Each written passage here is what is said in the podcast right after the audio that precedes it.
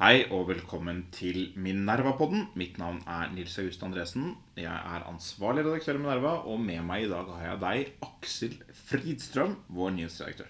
Jo, takk. Burde det ikke være noe sånn jingle eller noe sånt på podkasten?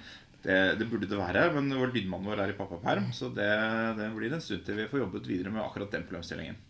Men, eh, men Aksel, nå har jo Norge, Norge har fått større problemer enn vår manglende jingle. Vi har siden sist vi hadde podkast, fått et nytt politisk flertall i landet. Det er dårlig nytt for Norge, men godt nytt for Minerva. For det betyr at det er masse spennende stoff å jobbe med for oss i, i årene som kommer.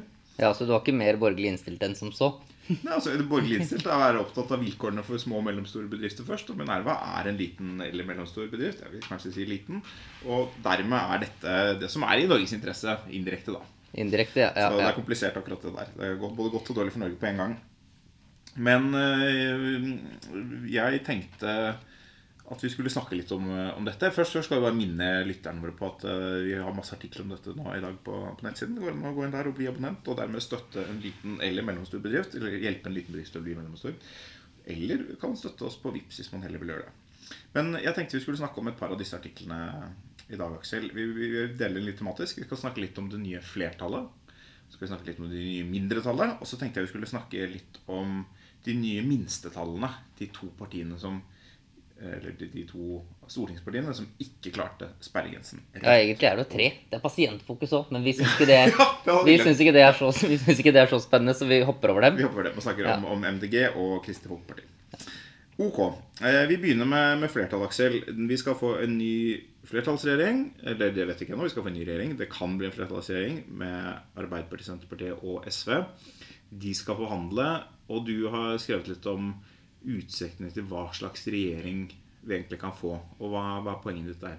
Ja, Poenget mitt er at jeg, jeg forsøker vel å, å peke på et eh, paradoks. Fordi at, eh, som du også kommer tilbake på til senere, så er jo dette et veldig eh, stort rødt flertall.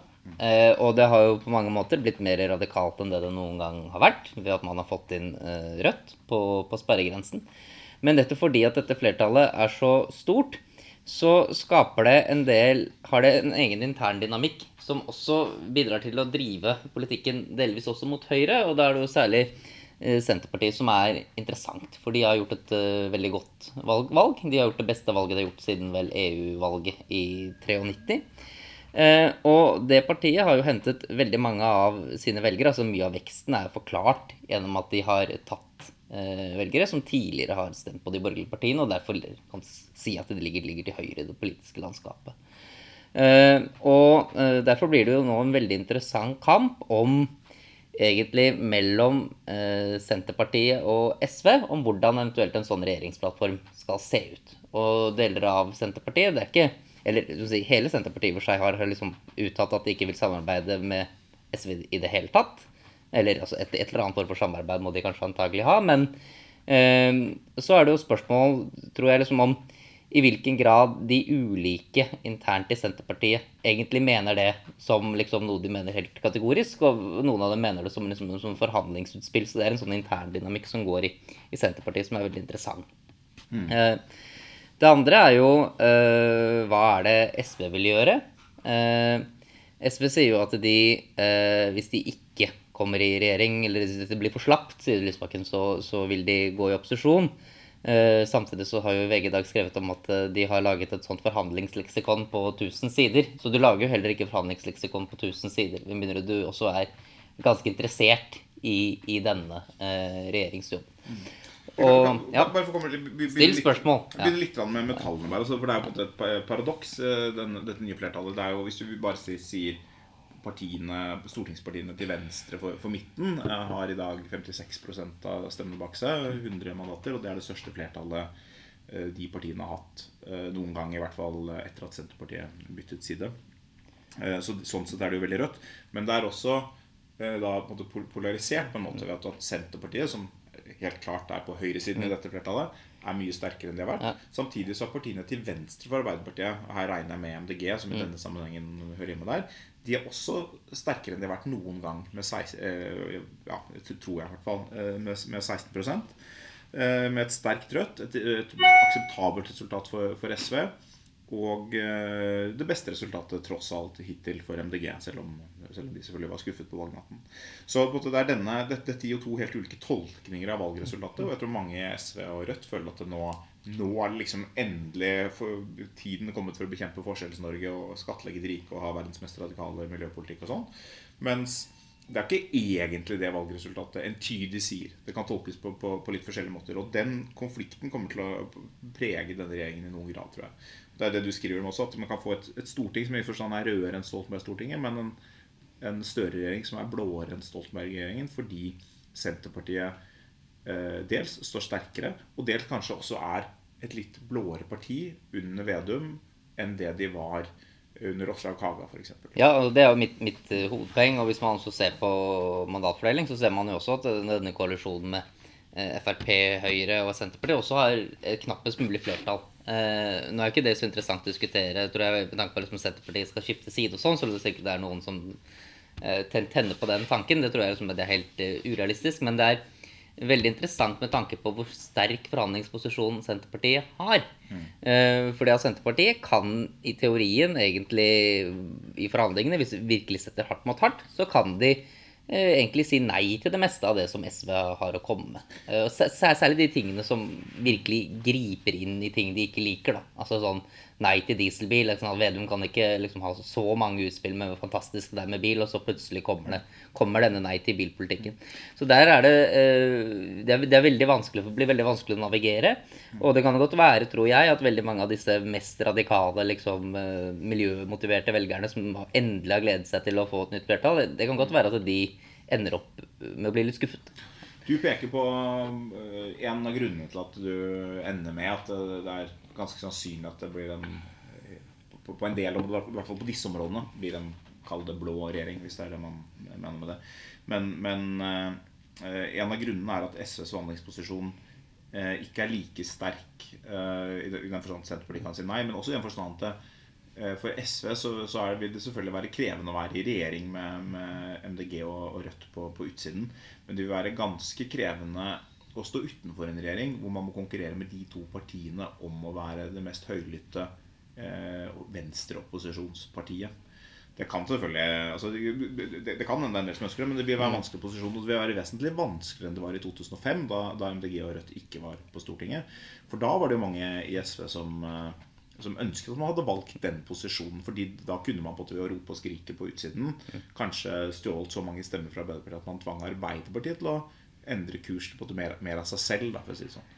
Mens på innsiden så, så mister man den muligheten. Men, men, det kan hende man ikke lenger har den muligheten på utsiden fordi konkurransen om å være den som skriker høyest, er blitt mye sterkere. Ja, og så er det klart at kan si, regjeringskontorene i seg selv er jo attraktive for nær sagt hvilket som helst parti. Og så er det jo også, hvis de går inn i forhandlinger og lykkes, altså de, de går inn i regjering, så er det jo også den da skiller de seg fra Rødt og MDG ut fra at de er den si, venstreradikale stemmen som er i stand til å omsette, omsette det til mer praktisk politikk. Ja, ja, så det blir ikke liksom bare en sånn ren sånn protestgreie. Så jeg tror at det er, det er, veldig attraktivt for dem, og de ønsker gjerne å være med i en regjering. Og det er derfor også de har laget denne forberedelsesmappen på 1000 sider til forhandlinger, selvfølgelig. Men det er også uh, samtidig vanskelig for dem å få en del type seire som deres velgere er kanskje opptatt av. Men der hvor de kan få seire, tror jeg, det er på ting som kan, som kan løses med penger. Altså Hvis det eh, handler om å grave ut noen milliarder av oljefondet, og kanskje øke noen skatter, kanskje øke formuesskatten litt f.eks., så eh, kan man eh, iverksette noen eh, Altså reversere disse såkalte usosiale kuttene som SV har pratet om i valgkampen. Det er ikke så kostbart å gjøre over statsbudsjettet. Eh, det andre er at de kan kanskje starte arbeidet med større og mer, liksom, med større offentlige sektorreformer. Altså skal tannlegeregninger betales over statsbudsjettet f.eks. Det er noe de, de, kan starte med, men som ikke er så lett, lett å finne penger til. Nei, man kan, man kan starte i det små, og så kommer regningen uh, senere. Jeg, jeg, tror altså, Det blir spennende å se hva de prioriterer, og, og hva de får til. Jeg er et parti som forbereder seg godt på hvilke gjennomslag man ønsker seg, og som er i stand til å formulere forslagene sine på en måte som lar seg gjennomføre.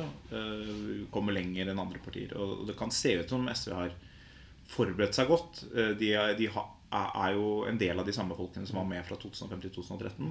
Og de har nok også lært en del både av hva det er mulig å få gjennom, og av hvilke farer som, som ligger i regjering. Så jeg, jeg ville Jeg ville tro at de forberedte seg godt, men jeg vil også da tro at en del av de gjennomslagene de får Som du sier, altså de, del, de, de vil jo være røde i en viss forstand, men det vil være en del områder der det ikke er mulig å trekke flertallet veldig veldig langt. Og så har de en annen ting gående for seg, Sosialistisk Venstreparti, og det at de, de, er jeg vil si, akkurat store nok til å ikke ha angst.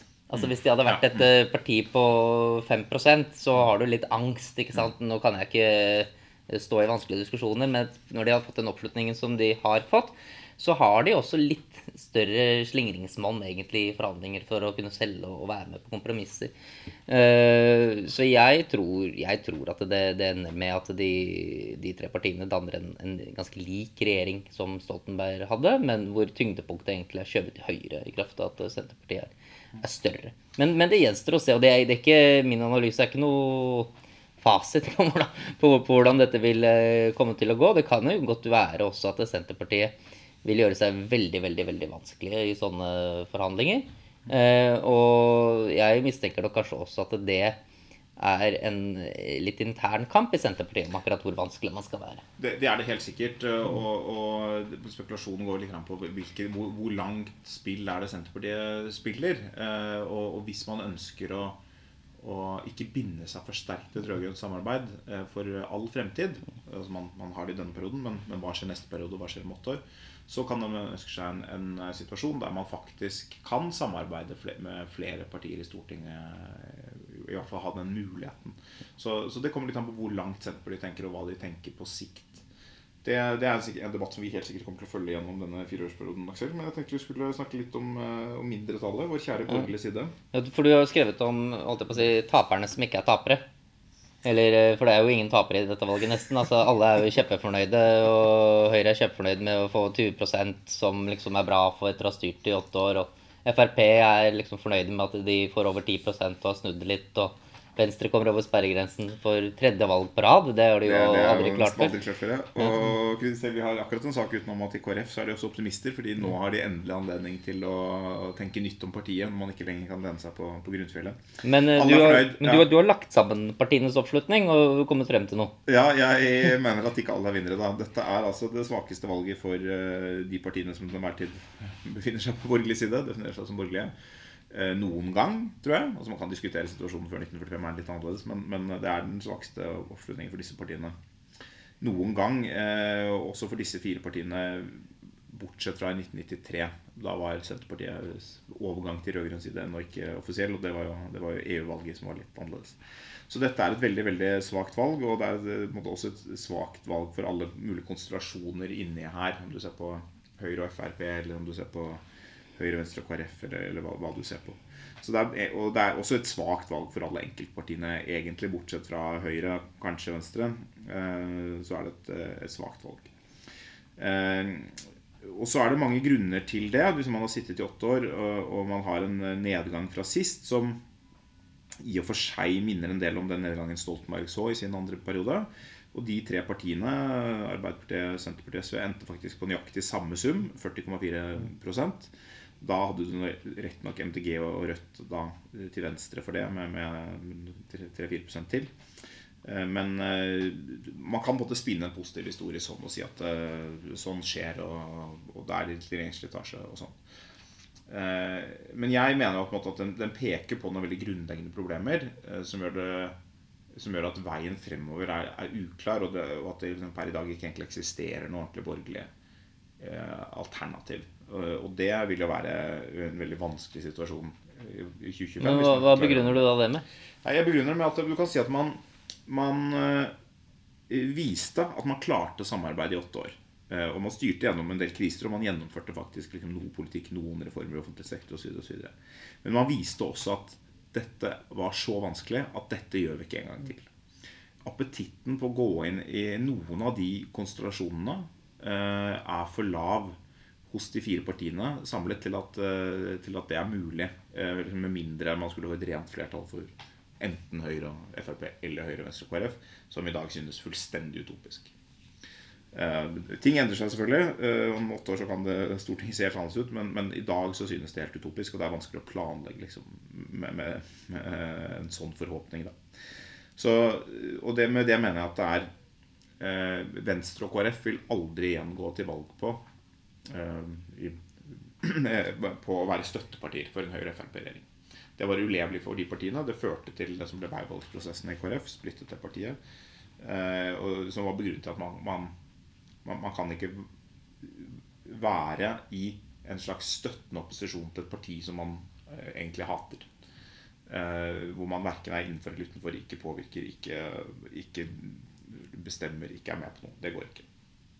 Frp eh, visste allerede fra før, og fått bekreftet igjen, at for dem eh, at de ikke ønsker å være på utsiden av et eh, Høyre-Venstre-KrF-samarbeid. Det, finnes situasjoner der Frp kan tjene på det, og de gjorde det under Bondevik-regjeringen i, noen grad.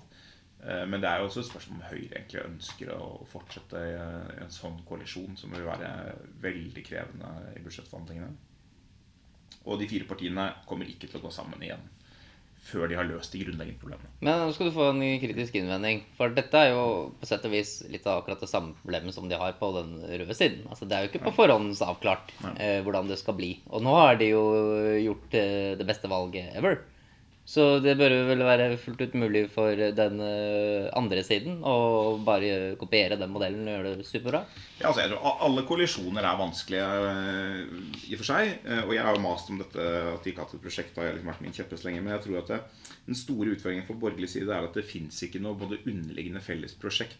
Alle partier er uenige, ellers ville vi ikke hatt mange partier. og De er uenige internt også.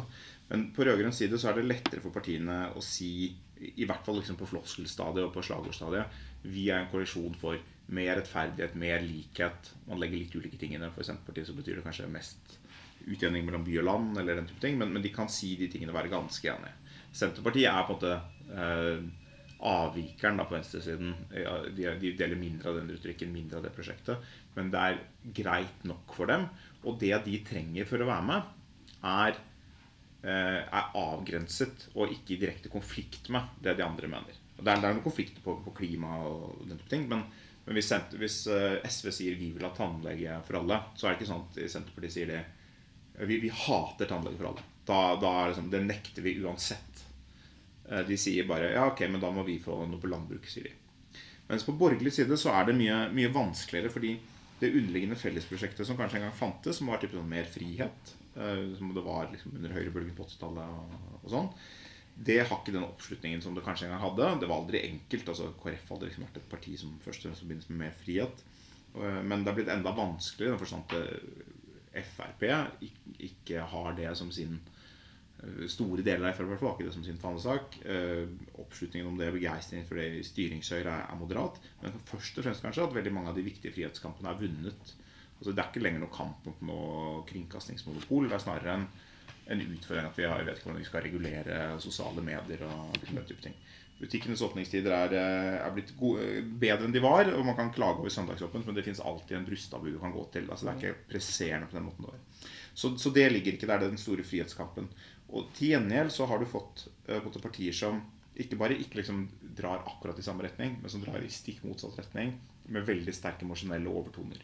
Så du har på en måte fått det sånn at eh, hvis Venstre får noe penger til elbil, så er det ikke sånn at eh, da sier Frp ja, men det er greit, det, da får vi bare liksom noe annet. Da er det sånn, Den seieren gjør så vondt for Frp at hvis de i det hele tatt skal tåle å være i samme regjering, så må de få noe penger til bensinbil samtidig. liksom. Ja, men De er ikke så sunne på akkurat det med elbil, kanskje. Men Nei, det, er, det, det beste eksempelet. Men ta, ta et annet eksempel da, som er helt konkret for regjeringsforhandlingene. Ok, Frp får noe penger til HRS, og så får Venstre noe penger til noen sånne anti-HRS-organisasjoner. Og du kan si liksom, I sum der ute i samfunnet så er liksom litt mer islamhat nulles ut av litt mer islamforsvar. Eh, men på, i statsbudsjettet så summerer de seg. Eh, statsbudsjettet nuller ikke de bevilgningene seg ut. Og denne, så, Sånn har denne regjeringen hele tiden kjøpt seg ut av disse motsetningene, som i og for seg ikke er uvanlig for en koalisjonsregjering, men det er både blitt ekstra tydelig, og det nuller på en måte ut det som Høyre kunne ønske å få ut av en sånn regjering, nemlig en, en noe mer liksom moderat, eller noe bedre budsjettdisiplin.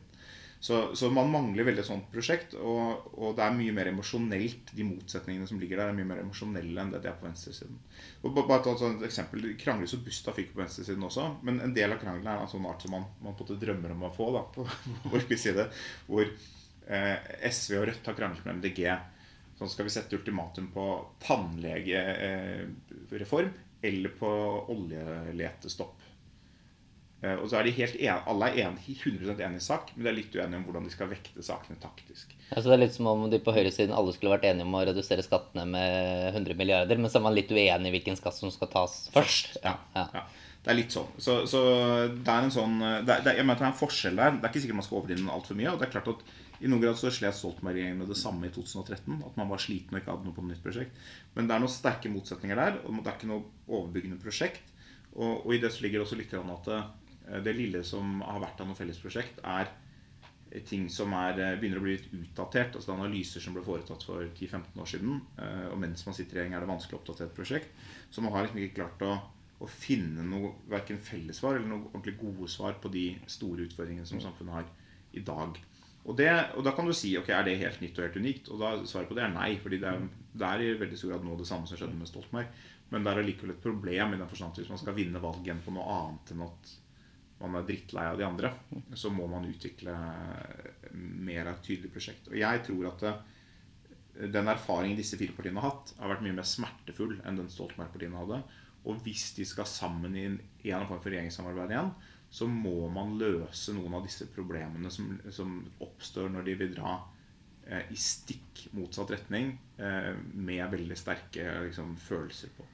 Men en, en passeklok mann som jeg kjenner, han eh, skrev faktisk i Minerva, min larva, jeg tror det var deg, eh, om en artikkel da du hadde virkelig partikaninhatten på, om at liksom Erna har håndtert krisene. At det er liksom virkelig Eh, til honnør for Erna. Da. Og jeg er i og for seg enig i analysen at hun har håndtert veldig mange av disse krisene ekstremt godt. Mm.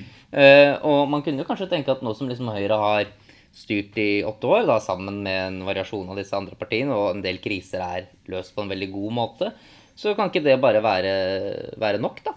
At uh, ok, det er ikke så veldig mye prosjekt og reform og alt mulig rart. Det er bare at uh, Norge er et ganske godt land å bo i. Fra tid til annen så kommer verden med en eller annen utfordring, og så sier vi ja, vi er, Høyre er det beste partiet til å løse det. Ja, ja det kan man absolutt si. Altså, det, det, det står, vil jo stå igjen fra, fra Ernas regjeringstid. At Norge håndterte de krisene vi fikk bedre enn de fleste andre land, og ble en rolig øy gjennom en ekstremt ustabil tid i europeisk og vestlig historie. med altså flyktningkrise, Trump, brexit eh, og, og koronakrise. Og, og, masse utfordringer i mange enkeltland med nasjonalisme. altså sånn Katalansk uavhengighet, skotsk uavhengighet. Eh, Belgia var to år uten regjering. altså Masse sånne kriser. Norge har vært veldig veldig fredelig. Veldig, og, og, vi har håndtert forhold til høyrepopulismen gjennom Erna Sprøyt på en veldig god måte. Så det kunne man si. Og jeg tror en del i Høyre vil nok også se på denne regjeringsperioden på denne måten. Og Høyre gjør også et isolert sett et akseptabelt valg. Men det som er utfordringen med det, i tillegg til dette at uh, å kjøpe seg denne koalisjonen på at legger seg opp på hverandre lag på lag på statsbudsjettet Det som er utfordringen, er at det, det, er veldig veldig vanskelig å skape entusiasme uh, bak et sånt prosjekt. Uh, og det er på en måte det, det, det ser man nå. Jeg tror man ville sett det tydeligere i 2017 hvis du ikke hadde hatt flyktningkrisen, som, som hjalp spesielt Frp, men også Høyre. Og liksom løftet den regjeringen med, med 4-5 prosentpoeng. Eh, men nå så man det eh, tydelig. Og, og du, klarer ikke å både selge inn et prosjekt eh, uten, Du klarer ikke å selge inn noe entusiasme til velgerne uten å ha, ha et, en eller annen retning. en eller annen prosjekt. Og Man ser det litt på at alle disse velgerne som gikk til Senterpartiet Velgerovergangen var jo på sitt største rundt jul, da, da Senterpartiet hadde rundt 20-21% på, på meningsmålingene. Og så har Senterpartiet gått en del tilbake. Eh, og da har det på en måte en del tidligere borgerlige velgere som har vært midlertidig hos Senterpartiet, og da forlatt Senterpartiet. Men de, har, de er velgere som ikke i utgangspunktet drømmer om en veldig rød regjering. Og åpenbart ikke har noe veldig sterk lojalitet til Senterpartiet. Men de går likevel ikke tilbake igjen i noe særlig grad da, til Høyre og Fremskrittspartiet, som har eh, avgitt dem. Og setter seg kanskje i sofaen eller på gjerdet. Fordi de mangler entusiasmen som skal til. Så, så, rent sånn, jeg, Du kan godt si at uh, fra et substansielt perspektiv, kanskje et slags konservativt perspektiv, kan man si at uh, det, Norge, er, ja, Norge er et bra land, og det, det, viktigste er å bare holde skuta flytende, liksom. Men, men, det er ikke et prosjekt som det er lett å mobilisere støtte for. Så har du noen løsning til uh, problembeskrivelsen, eller er det Nei, ikke i dag. Jeg tror dette er noe av det som, som blir veldig spennende å følge fremover og jobbe med de neste årene også. Jeg tror at vi, man, må, man, må, begynne med å si at eh, det er i hvert fall et sett med utfordringer som ikke var så tydelig til stede sist gang liksom Høyre hadde en ny sånn, sånn totalgjennomgang av politikken sin, som var etter valgnederlaget i 2005.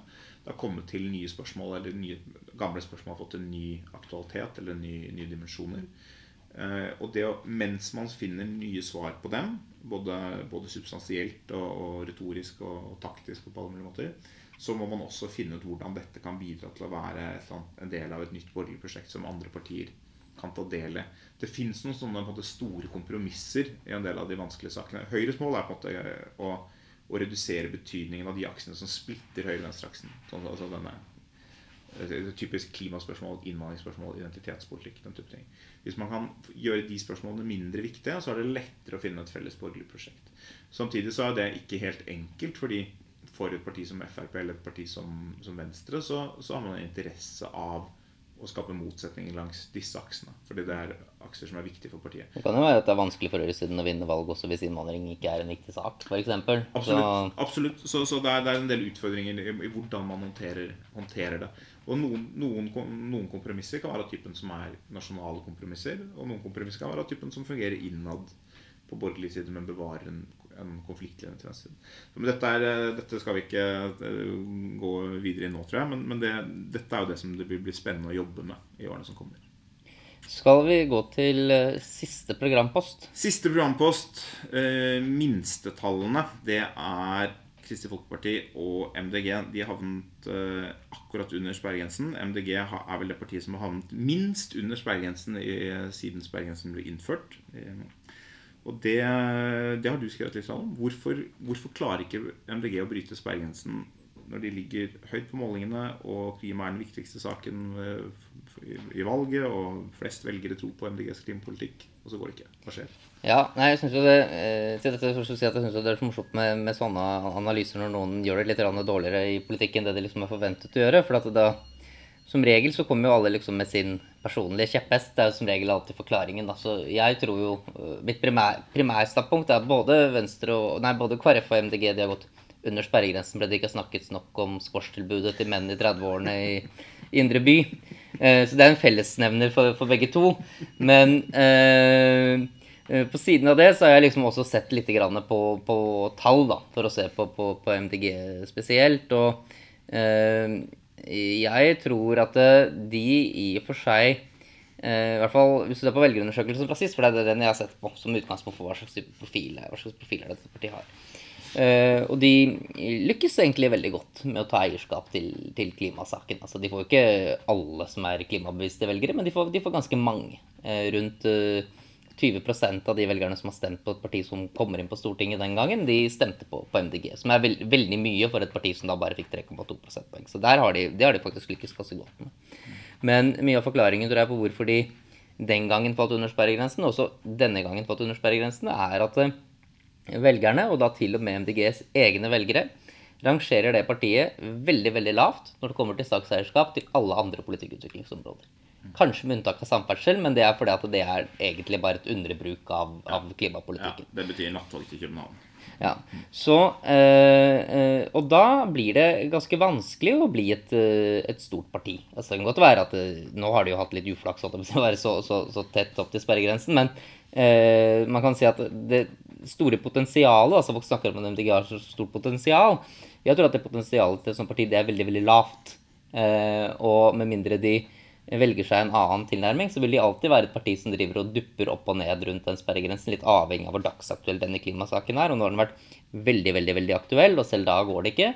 Eh, og da skal det faktisk ganske mye til for at det går med en sånn tilnærming. Og det har sammenheng med at eh, hvis du er en velger som stemmer på et parti bare pga. klima, men du egentlig ikke forstår hva det partiets løsninger er på noen andre, andre politikkområder, eh, da er du egentlig hva kan du si, litt bekymringsfri. da. Altså det, det er ganske begrenset hvor mange mm. sånne velgere det er som er villige til å bruke den muligheten det er å, å påvirke letninger på landet, som du bare blir invitert til hvert fjerde år, til å kun påvirke én bestemt sak. Mm. Eh, og Derfor tror jeg heller ikke det, det, går. Så partiet har en, egentlig en for, for, for smal profil. Jeg komme med, med noen innvendinger. Altså, hvis du spør mange MDG, så vil de si at uh, altså, dette er et bevisst valg. At man ikke at man har en dårlig politikk på andre, andre områder, altså, men at man at man ikke har betont andre områder så sterkt. Altså Noen vil si man har bra tjenesterepresentant på Stortinget, det er vanskelig å vise alt. Men, men andre vil si at eh, hvis man hadde vært veldig opptatt av de andre standpunktene sine,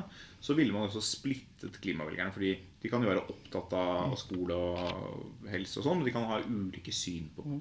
Så så hvis man, eh, og man ville også mistet den muligheten man har for å stille ultimatum bare på klima. Det som nettopp er krangelen mellom Rødt og, og MDG. Og skal, skal, man si at man, Er man veldig opptatt av tannhelsereform, eller er man mest opptatt av klima? Så Sånn som MDG som analyserer problemet, så er problemet velgerne. ikke sant? Et problemet er at velgerne skjønner ikke nok at klimakatastrofen er nært forestående og, og dramatisk. Liksom. De enda De tenker at det, det vil det bli etter hvert. Så vil det, det hvert, så vil enda flere velgere få dette enda mye høyere opp. Og, og, de vil se på andre bekymringer som mindre viktige, da, relativt sett. Hva, hva, sier du til en sånn altså, jeg, jeg, betviler ikke at MDGs si, strategi når det kommer til hvordan de velger å selge politikk, og hvordan de posisjonerer seg i, i, i uh, politisk landskap, liksom ikke er, at det ikke er et bevisst valg. Mm. Altså bare, mitt poeng er bare at det, det bevisste valget det, det, fører til et visst sted. Det er omtrent her. Eh, så eh, og det kan jo være selvfølgelig at de vil klare sperregrensen eh, neste gang og holde på med den samme strategien. Og det er jo ikke sånn at De nødvendigvis, altså de har ikke, egentlig ikke gjort noe dårlig valg denne gang, for de har jo gått, gått frem. altså De fikk eh, vel nå litt i underkant av 120 000 stemmer, og så hadde de vel noe sånn 94 000 sist. Så de har jo lagt på seg eh, ganske betydelig, hvis du, hvis du, hvis du, hvis du måler at det, i, i, i, i antallet velgere som har tilkommet. Så det er jo ikke noe, det er, det er ikke noe katastrofe heller, men de har jo sliter jo også med at de, de sånn sett er, er hypet opp. Men jeg tror uansett liksom at for denne type parti så er de for det første litt avhengig av flaks, nemlig at denne ene saken som de er opptatt av, aktualiseres, som de nå har, egentlig har hatt litt. Mm. Eh, og uh, i fravær av uh, sånn flaks, så er det ikke nødvendigvis at dette, slik at dette er en veldig konkurransedyktig politisk plattform. Jeg, jeg, har en uh, annen, ikke akkurat direkte innvending, men en slags supplerende perspektiv som, som, du ikke tar opp i artikkelen. Og det er at det er eh, Tross alt så er det et stort flertall som ikke mener at MDG er den beste klimapolitikken. Og eh, de fleste av velgerne som hadde klima som viktigste sak, stemte ved forrige valg Arbeiderpartiet. Nå får vi vente og se hva som er fasit i år. Det kan være annerledes. Men, eh, men, jeg tror det, det er en, eh, en, type tankegang som eh, jeg opplever at folk i partiet er veldig litt åpne for. Altså De er veldig sikre på at MDG har den beste klimapolitikken, og at det er et problem med velgerne at de ikke har oppdaget det. Mens den type innvendinger som jeg tror vil bli mye tydeligere fremover, som vi både, inn i går i klimapolitikken, det er på, på hvilken politikk man mener faktisk gir resultater. Og da ikke bare betydningen hvordan vi teller norske utslipp, men faktisk bidrar til å løse klimaproblemet globalt. Og, og, grunnen til at jeg tror at det blir viktigere, er at det, eh, når klima blir en viktigere sak eh, og det, det, det, blir, det, er blitt en viktigere sak, og det er plausibelt at det kommer til å fortsette å bli en viktigere sak fremover. Spesielt hvis noen av de andre problemene vi har slitt med de siste ti årene, etter hvert roer seg litt ned. Eh, så det blir en viktig sak, men da blir det også viktigere for de andre, spesielt de store partiene, å markere seg med sine egne tilnærminger. Og både Høyre og Arbeiderpartiet er i gang med, med det. Og og, og, denne liksom selvidentifiserte kategorien klimapartier, som da i tillegg til MDG eh, har med seg Venstre og SV, jeg, tror, jeg, er ikke sikker på om den kommer til å liksom kunne vedvare. Fordi eh, det fins mange forskere og andre som ikke vil være enig med MDG til den beste klimapolitikken, og som kanskje vil si at Arbeiderpartiet er en mer realistisk og produktiv klimapolitikk som mer effektivt kutter utslipp globalt, eller bidrar til. Og, og, Arbeiderpartiet var det mest var det partiet som Nå hadde velgerundersøkelsen i 2017, ja. så da ber man jo velgerne om å huke av for to saker som er viktige. Og blant de som da huket av for klima, som var omtrent 20 så tok Arbeiderpartiet flest, ja. flest av de velgerne. Så uh, hvis, hvis, hvis, man ser på det på den måten, så er det jo klart at uh, et av de, det partiet som er mest populært blant de velgerne som eh, sier at de er opptatt av klima, det er ikke et av klimapartiene. Mm. Og det er jo også eh, Hele denne klimapartibenevningen, eh, den er jo også litt spesiell. ikke sant? Altså, du har jo mange ulike partier som f.eks. ofte har markedsført seg på at de er veldig opptatt av skole. ikke sant? Mm. Du har SV er ofte det på plass på, på flygebladene. Høyre Venstre. Men det er ingen som går rundt og snakker om at dette er skolepartiene. Nei. Og hvorfor får ikke noen som kaller seg skoleparti, masse velgere hvis skole blir diskutert? Ikke sant? Fordi at løsningen er så forskjellig. Eh, men det er ingen som betviler at de, de tre partiene selvfølgelig er opptatt av skole. Men velgerne vil jo selvfølgelig også evaluere andre aspekter ved problemet enn bare hvorvidt noen er opptatt av det. Mm. Ja, det, MDG kan gjøre for å gå frem, du sier jo noe om det i artikkelen, det er enten at flere blir opptatt av klima, eh, eller at MDG blir får bedre troverdighet på andre områder enn klima, eller at MDG får en, eh, et enda høyere sakseierskap, at enda flere mener at de faktisk har den beste politikken. Da, da må de kanskje også jobbe med, med den politikken. Så de, på de, de, de må jobbe, i tillegg til å skylde på velgerne, så, så har de en mulighet til å jobbe både med klimapolitikken og all den øvrige politikken for å komme over sperregrensen neste gang. Hvis vi da tar noen eh, avsluttende bemerkninger om eh, KrF, skal vi gjøre det òg? Det kan vi gjøre. Eh, Vi har akkurat publisert en artikkel av Andreas Masve, som eh, har snakket med, med partiet. Eh, Og der er i og for seg også stemningen god, sånn som den er i alle partier etter et valg. du begynte med innledningsvis. Jeg tror analysen der er at det er en fordel å havne under i den forstand at diskusjonene i KrF de siste mange mange årene har vært liksom, Skal vi gå for grunnfjellet, eller skal vi, eller skal vi risikere grunnfjellet, sette det i spill ved å prøve å nå nye velgergrupper? Og det, det dette valget på en måte har vist, er at grunnfjellet er ikke nok. I den grad grunnfjellet liksom, De må- fortsatt fins. De må også ha med seg squashspillende menn i 30-årene. De trenger squashspillende menn i 30-årene i storbyene, eller i hvert fall noen annen type velgere. Så man, man, man må gå inn i en prosess som på en måte har ligget der lenge, eh, eller som har vært, vært en sånn verkebyll i partiet lenge, hvordan man skal håndtere den, og nå er man nødt til å gå inn i den. Så det er jo klart at det er jo en sånn krise i KrF, men, men det er et spørsmål hvor, hvor stor er forskjellen på tre og, og seks mandater, eh, som de eventuelt kanskje ville fått, i hvert fall hvis MDG også hadde kommet over. Det, det er ikke så godt å si. Det er en alvorlig situasjon. Det er et parti som står i fare for å dø ut, men det er et parti som eh, som i hvert fall nå blir tvunget til å tenke nytt. Og så får man se hvor det bærer. En av de tingene som jeg synes er interessant, hvis vi bare kontras kontrasterer litt mot, mot MDG, er at disse to partiene, MDG og KrF, de har omtrent like mange stemmer. Eh, og så, så dukker det opp liksom en analyse om hva som er feil i etterkant. Og i MDG så er den analysen den er, Eller i mediene, egentlig, kanskje ikke så mye internt, men i mediene så er liksom analysen veldig mye sånn Og hva er galt med verden? Ja? Men med, med KrF så er det åpenbart at hva er galt med partiet KrF? Ja. Eh, og eh, jeg vil nok kanskje tro at den, den sistnevnte eh, tilnærmingen, som KrF har, nok er eh, den smarteste. Men eh, det er ikke sikkert at det, det leder dem noe godt sted. For jeg tror det er mange som ønsker å delta i den debatten med ulike avarter av hvordan man kan få tak i squashspillende menn Ja, absolutt. Og så finnes det nok et segment i KrF som definitivt mener at det er verden som er fallen, og, og ikke, ikke partiet. Men, men spørsmålet er om de, de blir kanskje ikke hørt eh, i prosessen fremover. Det, får vi, eller, det er ikke sikkert det blir for fullt gjennomslag, i hvert fall.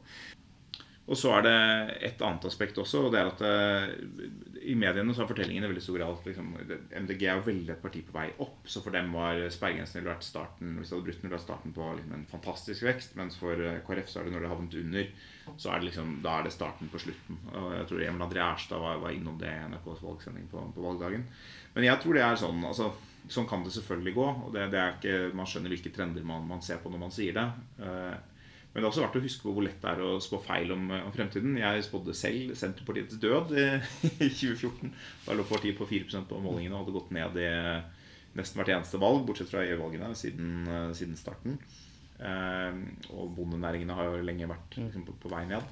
Så, men alltid, et parti må alltid en viss forstand gjenoppfinne seg selv i møte med tidens utfordringer. Og, og MDG, som da ikke klarte det nå som klimaet var veldig veldig høyt på agendaen, eh, eh, og vil møte tøffere konkurranse fra andre partier kanskje på dette feltet fremover. Det er ikke liksom åpenbart at de skal vokse inn i himmelen. Og det er heller ikke åpenbart at KrF ikke finner nye muligheter både blant skuffede eh, Senterparti-velgere og blant folk som syns at liberaliseringene eller endringene i samfunnet går raskt, eller blant nye muslimer, nye katolikker. Det finnes mange liksom, veier fremover man kan bygge partier i møte med de utfordringene som til enhver tid er i samfunnet. Og nå, og nå har jo du da både spådd Senterpartiets død for et par år siden, og nå spådd det borgerlige prosjektets død, så da kan vi regne med at det blir brakvalg. Det må vi da kunne regne med. ja. Skal vi avslutte podkasten? Det kan vi gjøre. Ja.